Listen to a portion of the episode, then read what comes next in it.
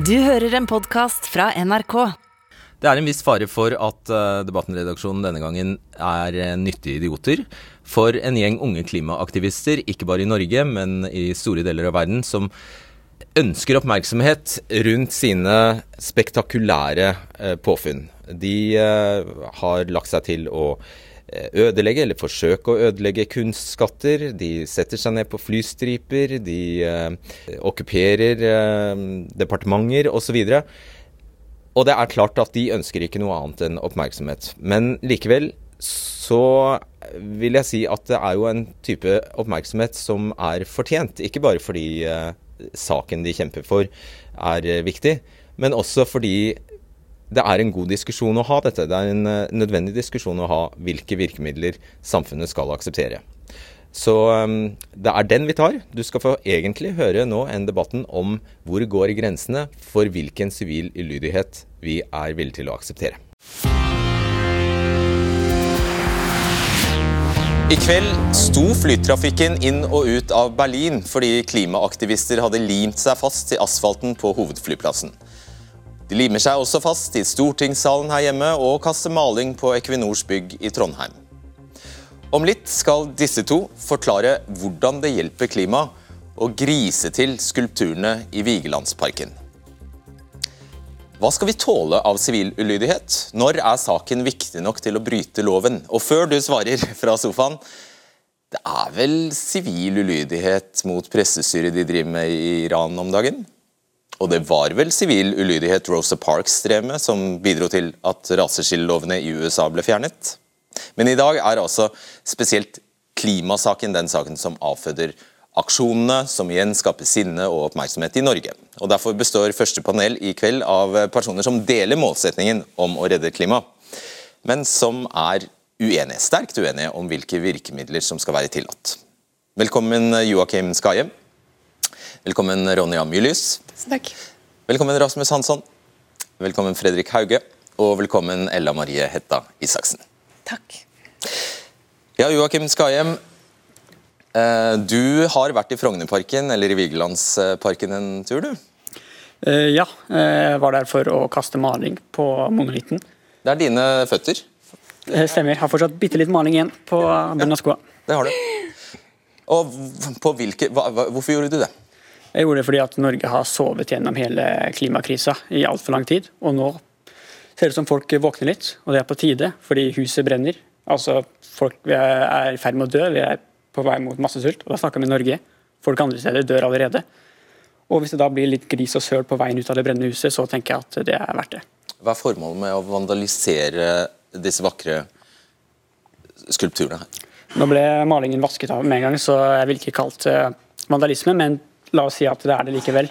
Da tenker jeg at det er en pris som er verdt å betale. Uh, vi må få en debatt i gang, vi må få følelser inn i klimadebatten. Når vi snakker om 1,5 grader og 2030 og Espen Barth Eide snakker om at vi kanskje ikke klarer å nå klimamålet, så bør vi bli sinte. Vi bør få de følelsene folk fikk eh, mot oss, og folk ble ganske sinte. Så det er det du vil oppnå, at vi andre blir sinte? Det er det. Og så må man rette det sinnet der det skal være. Det skal rettes mot Equinor, mot staten, og ikke mot oss.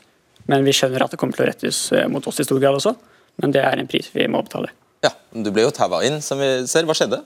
Jeg ble tatt med til eh, politistasjonen, og så trodde jeg vel egentlig at jeg skulle være der litt lenger enn jeg var, men ble sluppet ut uh, igjen med en gang sammen med Anne, som jeg utførte aksjonen med. Du har fått en bot?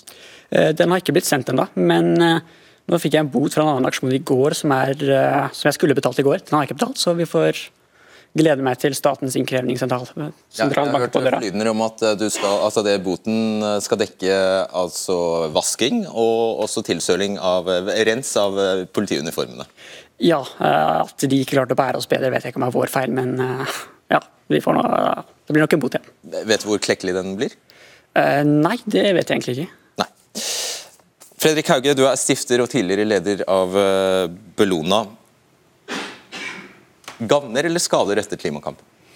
Jeg må bare ta utgangspunkt i hva vi i Bellona legger til grunn. Og Norsk miljøbevegelse har en lang og stolt tradisjon fra Mardøla-utbyggingen, Alta-saken, på sivil ulydighet. Og der tok gamle professor Arne Næss og de andre filosofene de lagde en del regler for dette med sivil ulydighet.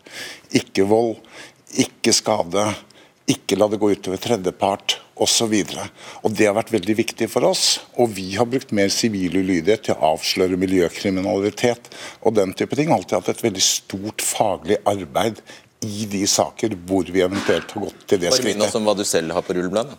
Nei, det er alltid har ikke du tid til i det programmet. Men Nei, eh, altså Vi startet jo med å aksjonere mot Titania-saken.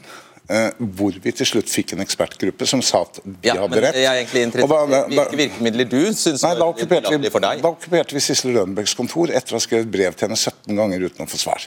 Eh, Men alt var fredelig for seg. Og vi har på en måte, og det er veldig viktig at folk blir værende, tar ansvar for sine handlinger.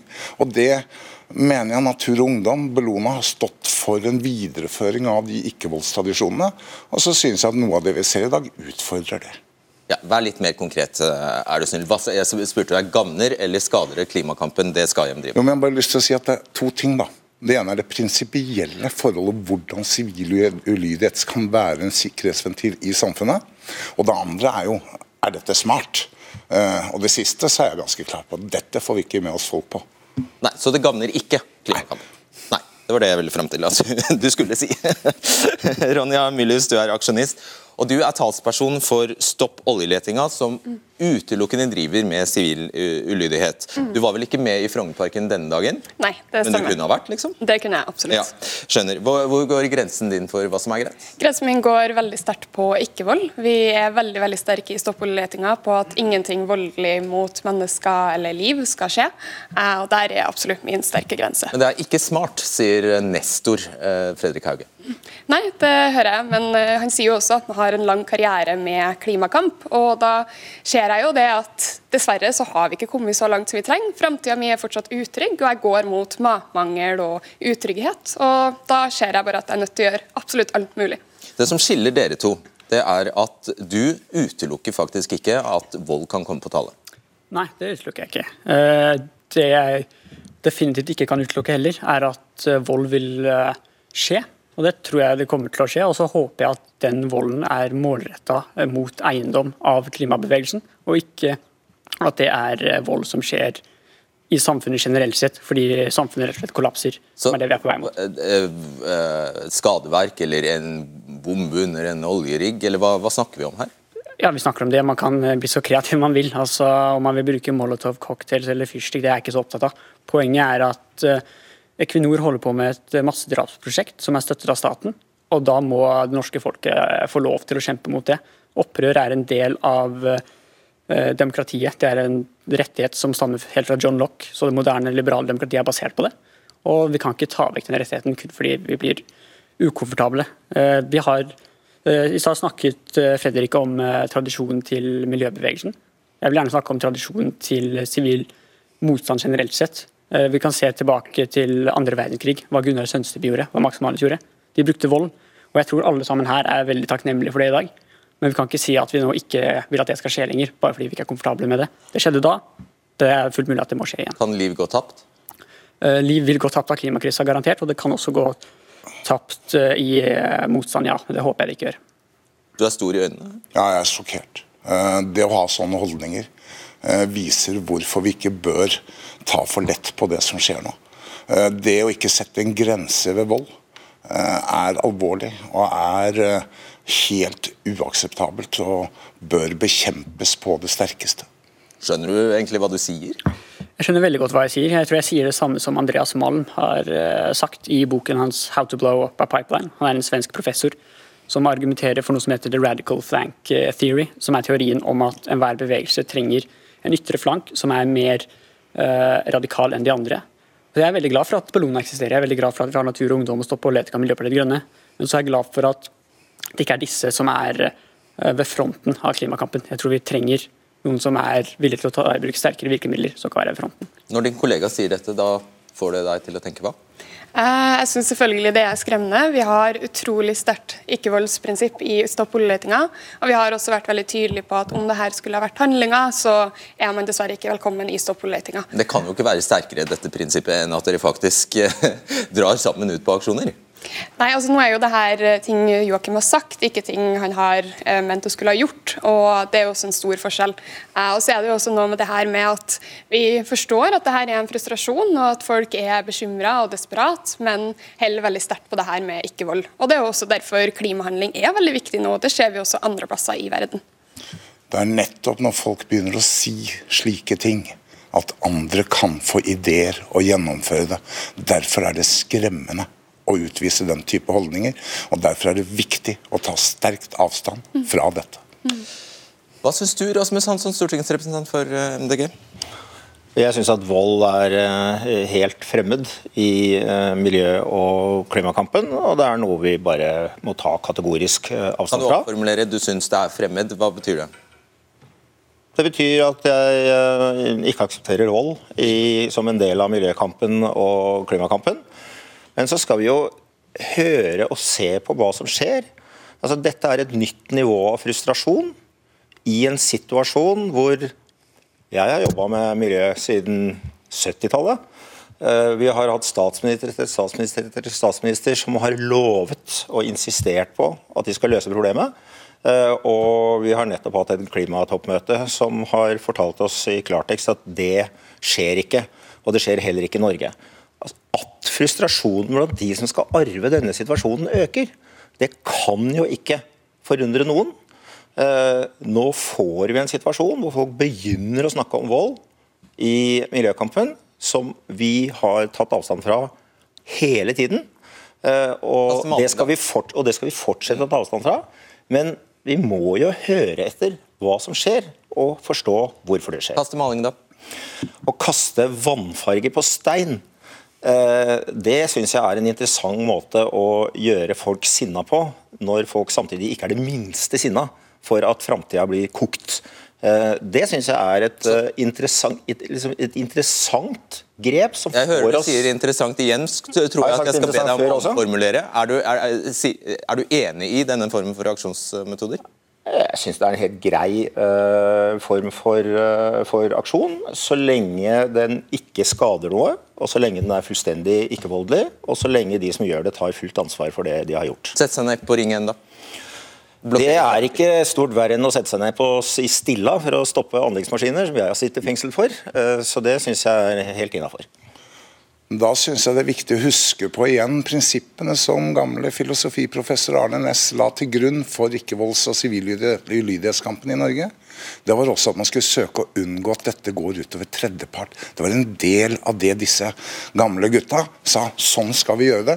Og man oppnådde store ting både i forbindelse med Alta-saken, som du var med på, men det var ikke vold, ikke skade. Ikke, heller ikke på utstyr. Og symbolikken i det som skjer her nå den får nye generasjoner igjen. Og det syns jeg på en måte ja, Om ikke det er konkret skadeverk på kunstverkene her, så er det en metodikk som jeg liker. Prinsippene er vi fullstendig enige om. Ja, men, men, men, romsdalingene, men romsdalingene i Mardøla og tverrvdølene i Alta mente at det gikk utover den. Så ideen om at vi aldri kan gjennomføre en sivil ulydighetsaksjon som ingen syns går utover dem, det er nok litt vel idealistisk. Ja, nei, men det er, for, det, det er forskjell. Det er et absolutt prinsipp. Ja, men også forskjell på å la folk helt unødvendig bli rammet av denne type aksjoner, mener jeg. Og det legger vi til grunn og søker å unngå. Da, eller, ja, ok, seriøst. Ja, nå vet ikke jeg med deg, men jeg gjør ikke sivil lydighet for å gjøre sivil lydighet eller pga. betegnelsen. Jeg gjør det jo for å oppnå noen ting. Og om så betegnelsen da er at det ikke skal forstyrre en tredjepart, eller om betegnelsen er at man skal gjøre det på en viss måte, så er det jo ikke derfor jeg gjør det. Og det, for, det, forstår jeg, og det er enormt stor forskjell på det du sier og det han sier på, på, vold. Og det er en ekstremt viktig grense. Og vi kan ikke flytte den grensen fordi utfordringene blir farligere eller verre. Da, Elle Marie Hetta eh, Isaksen, du er artist og aktivist, og medlem i Natur og Ungdom, skal vi legge til. Eh, mange der hjemme kjenner deg fra NRK-serien eh, Nå skal jeg fra Rahshan. Ja, det var bra. Ok. Ellas opprør da, her på NRK1. og Du har selv lenket deg fast til en gravemaskin for å stanse gruvedumping i Repparfjorden i, eh, i, Finnmark. Kunne du ha gått enda lenger enn det? Kunne jeg gått enda lenger enn det? Jeg er jo villig til å gjøre alt som kan gjøres for å stoppe den gruva i Repparfjord. Men for meg går det jo også en helt tydelig linje ved vold. For meg er det helt utenkelig at jeg skal krysse den. Og så er jeg litt lei meg for å høre at du opplever at det er dere som står på denne voldslinja, om man kan kalle det det, som står på frontlinja av klimakampen, for det er jeg sterkt uenig i.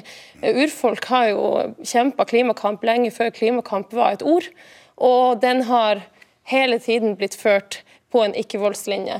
Sånn at jeg blir litt opprørt og litt skremt av å høre det, og vil sjøl eh, si at jeg er sterkt opptatt av å føre videre en stolt arv som miljøbevegelsen har i Norge, i Mardøla og i Alta, og ikke minst i urfolkskamp, at de to tingene, tingene står tett sammen og helt langt vekk fra en voldslinje. Støtter du den i saken Stopp oljeletinga? Ja, 100% og Det er jo det andre som gjør meg opprørt, er å kjenne på den frustrasjonen som jeg også deler. og Den er utrolig skremmende å kjenne på at ungdom i dag mister tillit til vår egen, vår egen stat, våre egne myndigheter. og det, det, skal vi ta på alvor. Lime seg fast i Skrik, tomatsuppe på eh, jeg husker ikke hvilket, om det var Mona Lisa eller pike med perleøredobb, eh, potetmos på kunstverk. Støtter du sånt? Min aktivisme dreier seg ikke om å stille seg i veien for det andres aktivisme, så eh, jeg har ikke noe behov for å stille meg sterkt imot det, de aksjonsmetodene, nei. Hva, eh, det, det, er åpenbart at eh, dere har fått ideen fra et sted, fordi dette skjer nå ganske simultant og samtidig over store deler av verden. Hva er det som skjer her, egentlig? Eh, nei, Vi er jo en del av et internasjonalt nettverk som heter A22, med ulike kampanjer retta mot klimakampen. Eh, Dette er også ja, Just Up Oil del av, f.eks., eller også Let's Generasjon, eller andre typer kampanjer. da. Hvor mange er det som støtter deg i Du tar det jo hakket lenger enn eh, de, de andre her. Hvor mange er det som støtter ditt syn? Altså Om at vold kan bli nødvendig, ja. og at det kan til og med være forsvarlig? Jeg er ganske sikker på at eh, Andreas Malm sin bok har solgt eh, ganske greit. Eh, og så har jeg fått høre mange positive tilbakemeldinger på en podkast jeg gjorde hvor jeg delte de lignende syn. Det er forskjell mellom det og det å faktisk gå ut og gjøre det. Og det er det ikke nødvendigvis alle som ville gjort. Hvis PST følger med nå. Jeg ville gjort det. Men det er ikke sikkert alle andre ville gjort. Men det, er, det kommer til å bli en voksende støtte for dette her. Og da må vi innse at det er to forskjellige spørsmål her. Det ene er er vold riktig eller ikke. Det andre er kommer det til å skje eller ikke. Og det er én måte vi kan hindre at det skjer på, og jeg har lyst til å hindre det like mye som dere.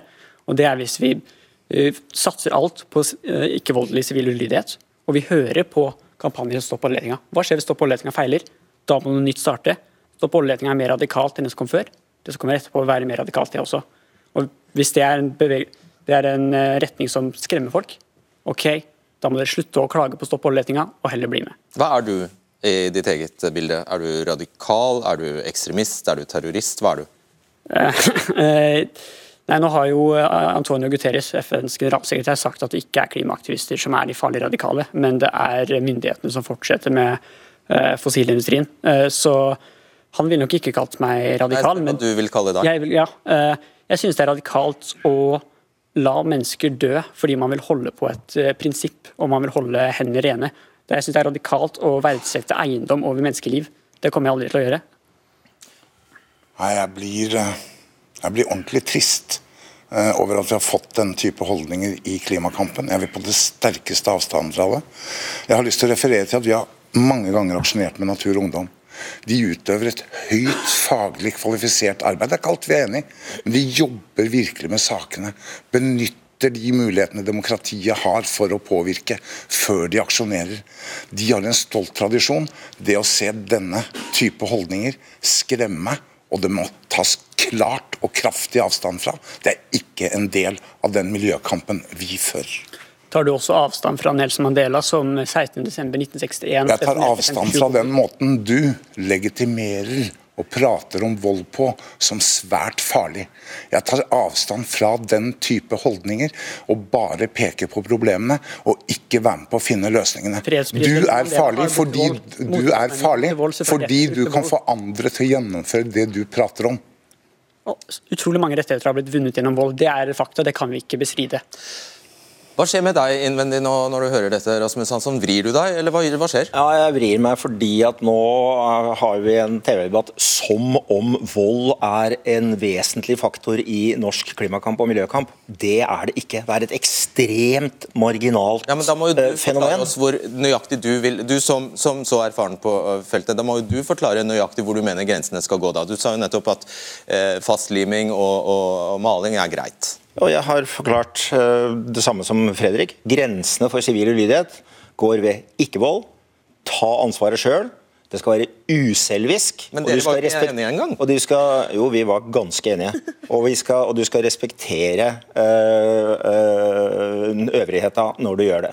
Når du gjør det, så er sivil ulydighet et grenseinstrument som hører med i den øh, demokratiske verktøykassa, men det er ikke noe som kan brukes lettvint, og det er et helt personlig ansvar. Da kan det brukes. Jeg har skjønt at øh, du, når, la oss si, øh, du har uttalt i forbindelse med Repparfjord at du mener en sånne aksjoner ikke trenger folkelig oppslutning. Har jeg sagt det, ja?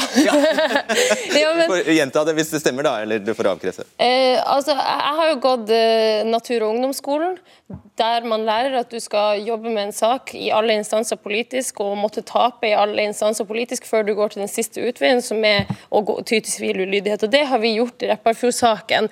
Der har vi alle som har lenka oss fast, vært moralsk overbevist om at dette er det eneste rette å gjøre. Og jeg mener at vi trenger sivil ulydighet. Sivil ulydighet er en helt nødve- nødvendig nødventil i demokratiet når demokratiet ikke fungerer. Når demokratiet ikke evner å lytte til unge mennesker som står og skriker etter hjelp. Når den ikke evner å ta eh, hensyn til Men er ikke det grunnleggende udemokratisk å overse demokratiet på den måten? Staten Norge evner jo ikke å følge sine egne lover og regler. Det ser vi nå i Fosen-dommen, i det pågående menneskerettighetsbruddet mot Fosen-samene.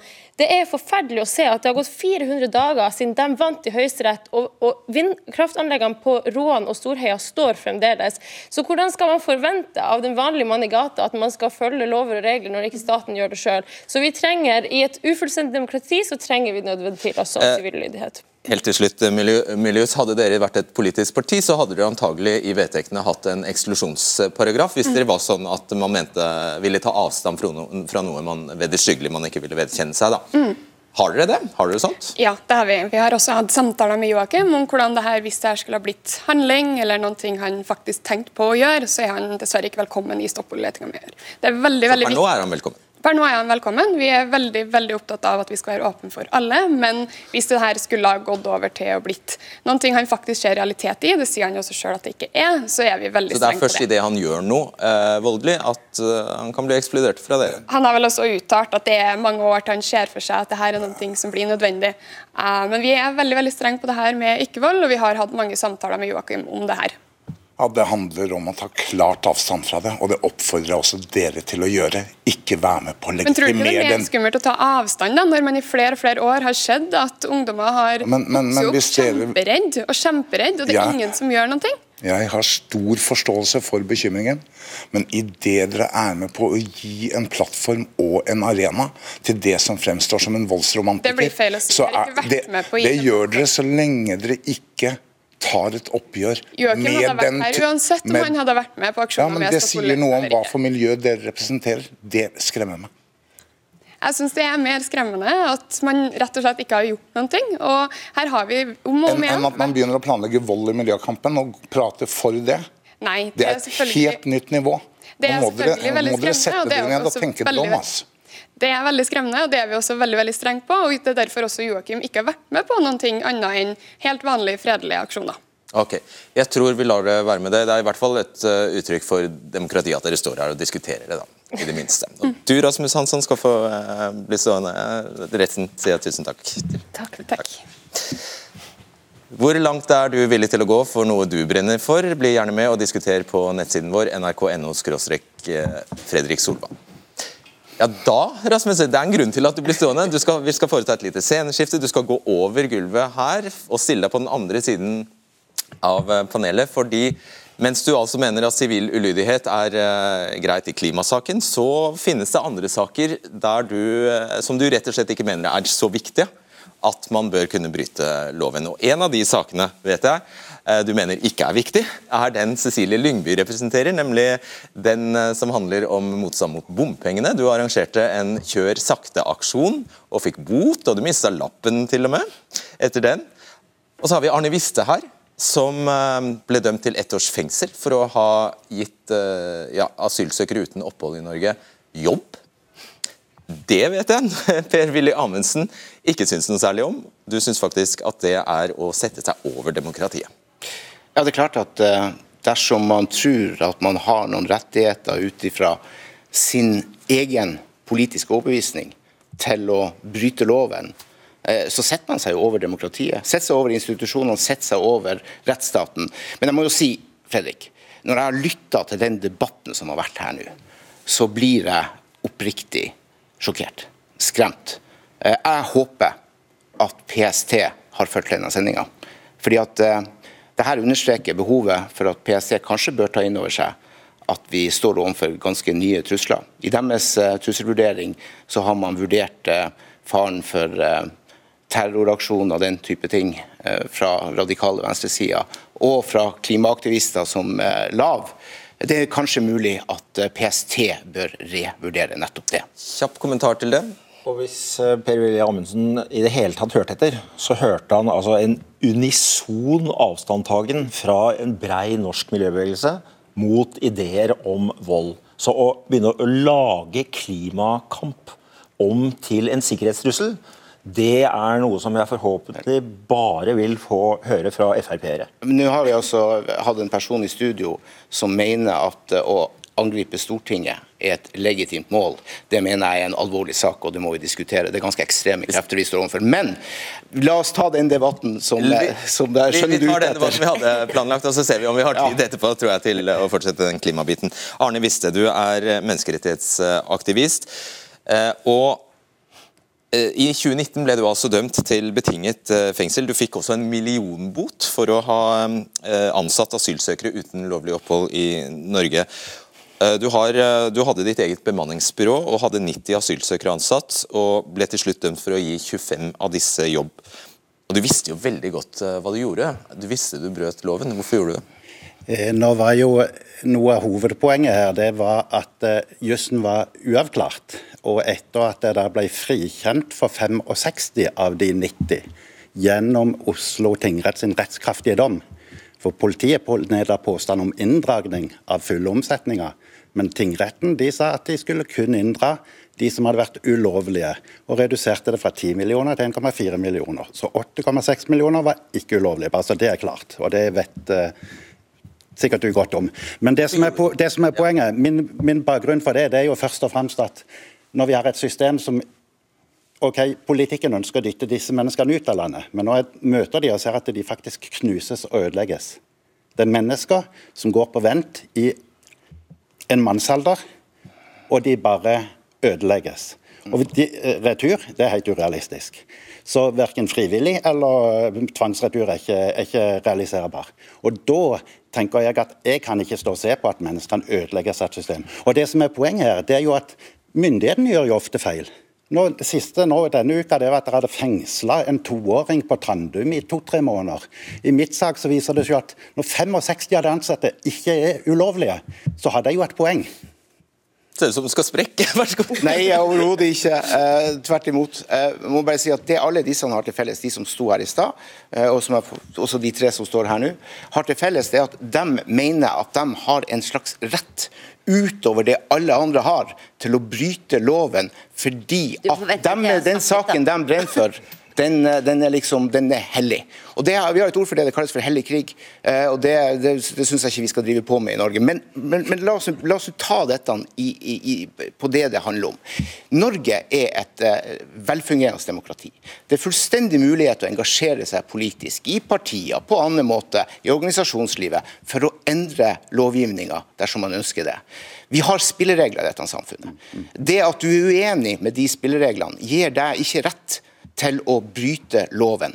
Og, det, og, og, og da, da, mener jeg at dersom man skal engasjere seg, så får man gjøre det politisk. Men å bryte loven, det vil jeg ikke anbefale noen. Svar på det, viset. Nei, jeg forstår den anbefalinga. Eh, og det er jo selvsagt ikke Altså når du bryter loven, så må du vel vil ta, ta konsekvensen. Men her er jo loven sier jo at statens myndigheter skal legge forholdene til rette for at ethvert arbeidsdyktig menneske kan arbeide. Er ikke det opp til domstolen å vurdere gjøre den vurderingen, da? og det er den de, Nei, så det var derfor mitt prosjekt har vært å få den rettslige avklaringa. Så mitt prosjekt det var når jeg ville Jeg vil ønske ikke være sivilt ulydig. Jeg brukte rettsvesenet, Arne Viste, Stevne og Justisdepartementet for brudd på Grunnloven. Men når da domstolene avviser, vil ikke behandle, vil ikke svare på spørsmålene, så var Politikerne kan ikke avgjøre rettspraksis, det må domstolene gjøre. Så jeg hadde bare ett handlingsalternativ, det var ansette. For å Ja, også, og, og, og du ble dømt for det i domstolene? Nei, jeg ble det frikjent på 65. Også, også, Fikk du med deg det? Men, eh, men forsto at på, på et annet område så ble du dømt. Det, Ja, det, det ja, på et er-. Men det er det som er poenget her. At dersom alle skulle opptre sånn, at vi bare liksom var fritt frem og bryte lover og regler fordi at man mente man hadde en legitim rett for det, fordi at man hadde riktig i en spesiell sak, så ville dette Jeg skjønner det. Er du for eh, pils i park? Men altså, ville Du, dette jeg bare lurer, Nå skal jeg teste. Hvor, hvor konsekvent er du? Eh, Jeg mener at, eh, at vi alle bør forholde oss til lover og regler som eksisterer, uavhengig av hva man måtte mene sjøl. Så politiet slå på pil- Ja, men politiet er satt til å håndtere til enhver tid gjeldende lover og regler, og det respekterer jeg. Eh, Og jeg har ingen ønske om å bryte loven sjøl, og det mener jeg ikke er god anbefaling til noen. Da må man også ta konsekvensen som følge av det. Hvorfor skrev da Frp på Og dette vet du godt. Frp mener egentlig at det der er en, tulle, at det, at det er en tullebestemmelse. Det, Frp skrev på Facebook det er uproblematisk at folk unner seg en pils til grillmaten på en fin solskinnsdag i parken. Vi mener det er tullete at politiet må bruke tid på å sjekke hva folk drikker og spiser.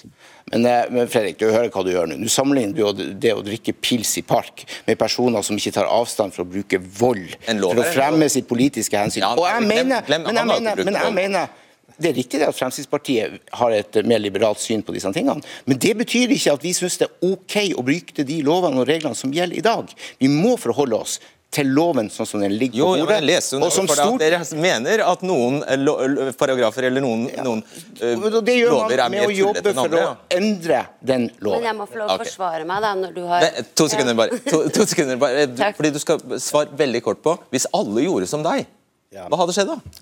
Da hadde det blitt veldig gode inntekter til statskassa, tenker jeg. Men det som er nei svar litt eh, seriøst, da. for det første, Hvis alle ansatte ureturnerbare asylsøkere, så ville vi avlaste asylmottakene. Vi ville fått eh, bygd mennesker istedenfor å ødelegge dem, og vi ville økt skatteinntektene og verdiskapninga i Norge. Og det ville ikke påvirke innvandringspolitikken. Det, men det som er poenget her, Ja. det er jo at rettssikkerheten her Når du ser på at Jeg sitter og ser på at UNE, UN- Utlendingsnemnda, 20 og 30 ganger hvert år så får de rettskraftige dommer mot seg for sine ulovlige asylvedtak. Ulovlighet. Myndighetsulovlig asylavslag. 20 og 30 ganger hvert år har gjort en tiårsperiode. Ditt bidrag det var å redusere målstyringa på at vi skulle øke rettssikkerheten. Men da får du engasjere deg i et politisk parti, da. Ja, Nei, da må, da, tenker jeg at da må vi prøve å få det rettslig avklart. Rasmus Per Hansen. Willy Amundsen snakker jo mot bedre vitende. Ethvert menneske i et samfunn har en selvstendig moralsk plikt til å ta stilling til hva de syns er riktig og galt. Lov eller ikke lov. Og de har en selvstendig plikt til å handle deretter. Det vet vi alle. Og så holder vi oss alle, nesten hele tiden, innafor loven. Derfor er problemstillingen hvis alle gjorde. Alle kan gjøre, men vi gjør det ikke. Men av og til så gjør vi det fordi noe er gærent. Og det mener Frp-ere også. Og det er dumt når Per-Willy Amundsen går og Det later er som ikke Frp er det eneste Jeg, kanskje, jeg kan svare for 110 lovlydige Fremskrittspartiet mener, partiet så i får du svare på Stakkars Astrid hvorfor Ja, nå må det er du vente tredje litt. gangen du har prøvd ja, Nå skal du skal bare introdusere, introdusere deg skikkelig her. Fordi. Du er leder av Folkets parti, som vi tidligere kjente som Folkeaksjonen Nei til mer bompenger. Og i 2018 arrangerte du en kjør sakte-aksjon. 750 biler kjørte i 30 km i timen i 80-sonen. Noe som endte med altså, at du ble bøtelagt og mistet lappen. Hva er din holdning til sivil ulydighet, Cecilie Lyngby? Du, jeg er jo imot sivil ulydighet. Og jeg, det var derfor jeg hadde lyst til å forsvare meg. Fordi at du la jo på mine skuldre at jeg er for sivil ulydighet. Og det er jeg ikke. For den kjør sakte-aksjonen hadde jeg søkt politiet om. Det hadde jeg gjort. Og at Oslo-politiet da ikke kommuniserer med Viken-politiet, den korte avstanden vi var da i Viken fram til Oslo, det kan ikke jeg noe for. Og vi hadde da søkt om en kjør sakte-aksjon. Det ligger i ordet. Da skal vi kjøre sakte. Bare, vi tar teknikalitetene. I loven, Ikke altså, det er ikke lov å kjøre så sakte som dere faktisk kjørte i 30 Nei, km på en motorvei. Du må minst kjøre i 40. Ikke og det var hjemmelen du ble tatt på. Det var hjemmelen jeg ble tatt på, og det er helt ok. Eh, og jeg har gått inn i politikken etterpå, og jeg har nettopp gjort det som man skal gjøre. Jeg har gått inn i politikken for å gjøre noe med det jeg mener er urettferdig. Lengve, kall det hva du vil, om det er sivil urett eller hva, det spiller jo egentlig ikke, fordi du ville jo fram til et poeng. Du Ja, hadde jo et poeng. det ville jeg. Du ville egentlig, du obstruerte trafikken i dette tilfellet da. Ja. Det var jo meningen. Ja, det var det. Så hvorfor, hvor, øh, hvorfor gjøre det? Det kan faktisk, grunnen til at dere ble tatt, var jo fordi det, det kan være veldig farlig. Ja, eh, og vi kjørte litt for sakte, og det tar jeg på min kappe. Eh, Men vi hadde søkt, og vi trodde vi gjorde alt riktig, så alt var gjort i god hensikt. To sekunder først, fordi Rasmus Hansson, er dette en edel og nobel, nobel sak? Eh, Jeg anerkjenner alles rett til å bruke sivil ulydighet eh, på riktig måte uh, for sin sak, og så kan jeg være uenig i- innholdet i saken. For eksempel eh, så er jeg uh, uenig i formålet til bompengeaksjonen. Jeg syns det er et dårlig formål. Men det betyr ikke at jeg forbeholder meg en eksklusiv rett til å være den eneste som får lov til å bruke sivil ulydighet. Og hva er grunnen til at du egentlig mener at denne aksjonen ikke var helt legitim, da? Jeg mener at den er en aksjon som totalt sett fremmer noe som er dårlig for folk i Oslo. Eh, Den fremmer et trafikkbilde og en måte å bruke bil på som ikke tjener befolkningens samlede interesser. Derfor er jeg helt uenig. Men jeg sier ikke at den er illegitim. Jeg sier at jeg du, uenig. du bruker et stikkord her som er aksjoner som eh, sorterer under sivil ulydighet, bør etter din mening være, uegennyttige. Og det var, Hva er det for noe, og hva er det, eh, Men det var driver- dette med? Uegennyttig betyr at du gjennomfører en sivil sivil ulydighetsaksjon ikke til din egen fordel, men for et høyere gode. Og Men så kan man ikke diskutere, har jeg sagt til researcherne til Fredrik eh, Skavlan, om det å kjempe mot bompenger er å kjempe for sin egen lommebok, eller om det er et høyere gode. Det er en diskusjon. Det er en annen diskusjon. Fredrik Skavlan, du heter noe annet, ja. Så tror jeg ikke det har gått videre. Vi skadet jo ikke noen tredjepart her, og i straffeloven så er det faktisk hærverk det de driver med nå, og det skal straffes med opptil ett års fengsel. Det står i paragraf, straffelovparagrafen 291. Ett års fengsel og bøter. Jeg fikk en bot, og jeg mistet lappen. Jeg tok min straff for da å kjøre 10 km i timen. Og om det er hærverk og helle, vannfarger på stein, Ja, det det kan man uh, diskutere. I hvert fall like mye som om det er uh, uegennyttig Hva- å kjøre 30 km i timen på motorvei. Hva syns du om å kjøre 30 km i timen på motorvei?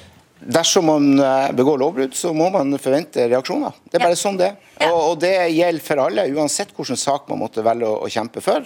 Eh, og Det er opp til eh, påtalemyndigheten, domstolene, eh, å avsi eh, de vurderingene. Sånn fungerer det. Dette er kjørereglene i en liberalt demokrati som det norske. I den norske rettsstaten så er det sånn samfunnet må fungere. Det er jo ikke sånn at det er frivillig å Og det er jeg helt enig i. Det er noen- det er noen her som er Det er jeg helt enig i, men det vi har sett her i dag. Det dere alle har felles, og, de- og særlig de som Dere sto her i stad, er at dere tror at dere har en slags rett til å bryte loven fordi at Nei, nei, nei, deres meninger mening er så Nei, nei, mye nei, mer viktige enn alle Ja, andres. men du vet hva, jeg har gått inn i politikken, jeg har tatt boten min, og jeg har opprettet et parti og sitter nå i bystyret og prøver å jobbe med sakene. Det vi så her i stad, det panelet som var foran her i stad, de er skumle, de er farlige, de driver med hærverk, og de må ha folkeskikk. Altså, er må kunne i forhold til det vi så her i stad. Det er korrekt. nå, ta hverandre i armene og snakke sammen med god gammeldags folkeskikk og finne løsninger. Den krigen som er nå, den er kjempeskummel. Kjenner at jeg blir veldig sint. Ja, jeg. Ja. Visst det. Er det. Vil du støtte enhver som av egen, ut fra egen samvittighet eh, bryter loven, da? Nei, jeg vil støtte de ut fra min samvittighet, og så respektere som Rasmus Hansson, at andre kan ha en annen samvittighet med andre nyanser. Men det som Per-Willy Amundsen tar fullstendig feil på, det er at vi står ikke her og diskuterer om det skal være lov å drive sivil ulydighet. Da vil jo hele poenget, da vil det jo ikke vært sivil ulydighet. Så det, Vi er jo enige om at det er ulovlig med sivil ulydighet. Og jeg er jo enig i at sånn må det være. Det er jo ikke det vi diskuterer.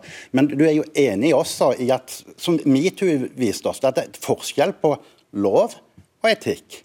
Det er ikke greit å, å trakassere kvinner, selv om det skulle være lov. Det, det må jo du skjønne at det er en forskjell på lov, juss og etikk. Selvfølgelig. Og det er jo det som er utgangspunktet her for debatt. Og det vil være veldig uinteressant for disse klimaaktivistene dersom eh, det var lov å holde på med det de holder på med, for de hadde ikke fått oppmerksomheten som media har gitt dem. Så det skjønner jeg utmerket godt. Poenget er uansett det samme. Loven er lik for alle. Nettopp. Og det er ikke valgfritt å forholde seg til norsk lovgivning. Man, man kan være uenig, man må gjerne ønske å protestere.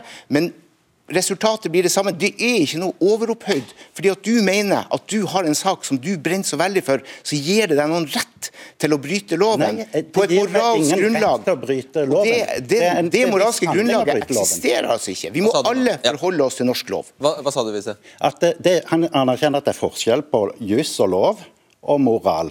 Og Likevel så sier han at det, det er en og samme ting. Det som er Poenget her det er at det kan være etisk riktig å bryte loven. Hvis du f.eks. gjør det for å redde menneskeliv, eller eh, i ren desperasjon. Og så syns jeg at justismyndighetene har kun ett verktøy. Det er når de, dette sivil ulydighet er jo et samfunnets språk. Noe er galt. Når disse ungdommene står her og skriker 'noe er galt', så er det jo De uttrykker jo noe til oss andre. Og det første vi gjør, det er å spyle vekk det. Ja, tenk, på, tenk hvis vi hadde latt det bare stå til over jul. Fundert på hva symboliserer det. Er det, er det, har, det har det noe verdi? Gir det oss noe ettertanke? Kan vi våge Amundsen, å tenke to tanker og se det fra flere vinklinger og prøve å forstå? Men Jeg er bare opptatt av at vi faktisk har noen kjøreregler i dette samfunnet. Det følger vi.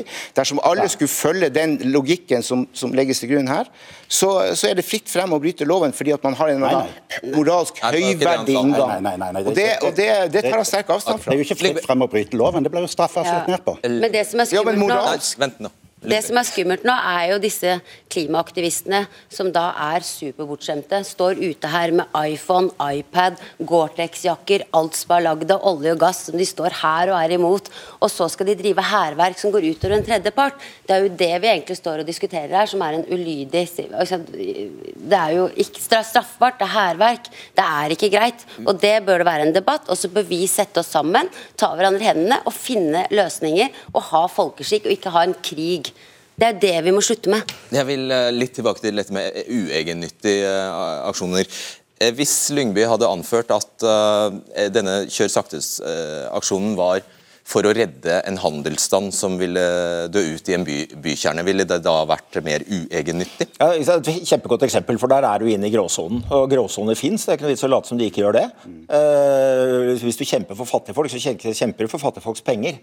Men, eh, og Det er i og for seg egennyttig nok, men det kan være etisk riktig allikevel. Og, og det å kjempe for handelsstandens eh, interesser, eller som noen gjorde utenfor Stortinget i, i, i dag, bare vel, som kjempet for eh, laksenæringens eh, interesser, eh, så er du et eller annet sted i gråsonen. Men hovedpoenget er jo for det første at Per-Willy Amundsen på en måte med vilje later som han ikke forstår hva vi snakker om. Alle vet at det er lovbrudd. Spørsmålet er hvorfor lovbruddet skjer. Eller han er kanskje bare prinsippfast? Det andre Kanskje. Nei, du, du er ikke prinsippfast fordi du påstår at vi som driver med sivil ulydighet, krever at det skal være lov. Nei, det sier jeg krever ikke. det ikke. Men du oppfatter Vi at du er mer loven moralsk med høyverdig fordi at du bryter Det gjør jeg absolutt ikke. Men så kan vi komme tilbake til, så kan vi komme tilbake til hovedpoenget. Altså Denne aksjonen som vi nå hisser oss så voldsomt oppover, noen helte vannfarge på noen steiner. Det er ikke bare det, det er det mest ikke-voldelige man kan foreta seg. Og langt mindre eh, inngripende enn veldig mange av de Og risikere å ødelegge natur, eh, eller eh, kulturskatter, da, som skrik. Er, er, er, er det hakket verre for deg? Jeg syns det var ganske ille med, med skrik, det må jeg innrømme. Jeg syns, jeg, jeg syns jo Så dette der er et sted går grensen for deg? Det går, det går, det er grenser, det går grenser hele tiden. Jeg synes det er skummelt. Poenget er at det disse menneskene prøver å trekke oppmerksomheten mot, det er at vi holder på å koke jorda, og politikerne våre ljuger når de sier at de fikser Da er spørsmålet er alt lov i krig. Alt er ikke lov i krig, men eh, sivil ulydighet er lov i et demokrati hvis du tar ansvaret, og hvis den saken du peker på er stor, og saken de som har sølt maling i Frognerparken peker på, den er veldig stor, og den blir ikke tatt på alvor av de som skulle tatt på alvor. En- Ti sekunder her. En liten replikk til Amundsen. Det er ikke det at jeg bryter loven som gjør det moralsk høyverdig. Det er det, det moralsk høyverdige det er å bygge mennesker, da la de jobbe, istedenfor å ødelegge dem. vet du hva? Nei, ja, vi har, vi har, fem sekunder får du, og så er det over. De, er opp, de virkelige heltene, det er de som står på, går på jobb, sørger for at dette samfunnet fungerer. Sørger for at strømmen er på, sørger for at helsevesenet fungerer. Det er ikke de som bruker aksjoner for å skade. Vi blir faktisk sånn fysisk tatt av lufta, dere. Hvis vi ikke gir oss her nå, så det er over. Takk skal dere ha. Vi i redaksjonen vil at debatten skal være felleseie. Vi ønsker å ta Norge på pulsen. så Veldig mange av våre sendinger blir til nettopp ved at dere skriver til oss og til meg, og det er jeg veldig takknemlig for. Hvis du vil bidra, så går du inn på nrk.no Fredrik.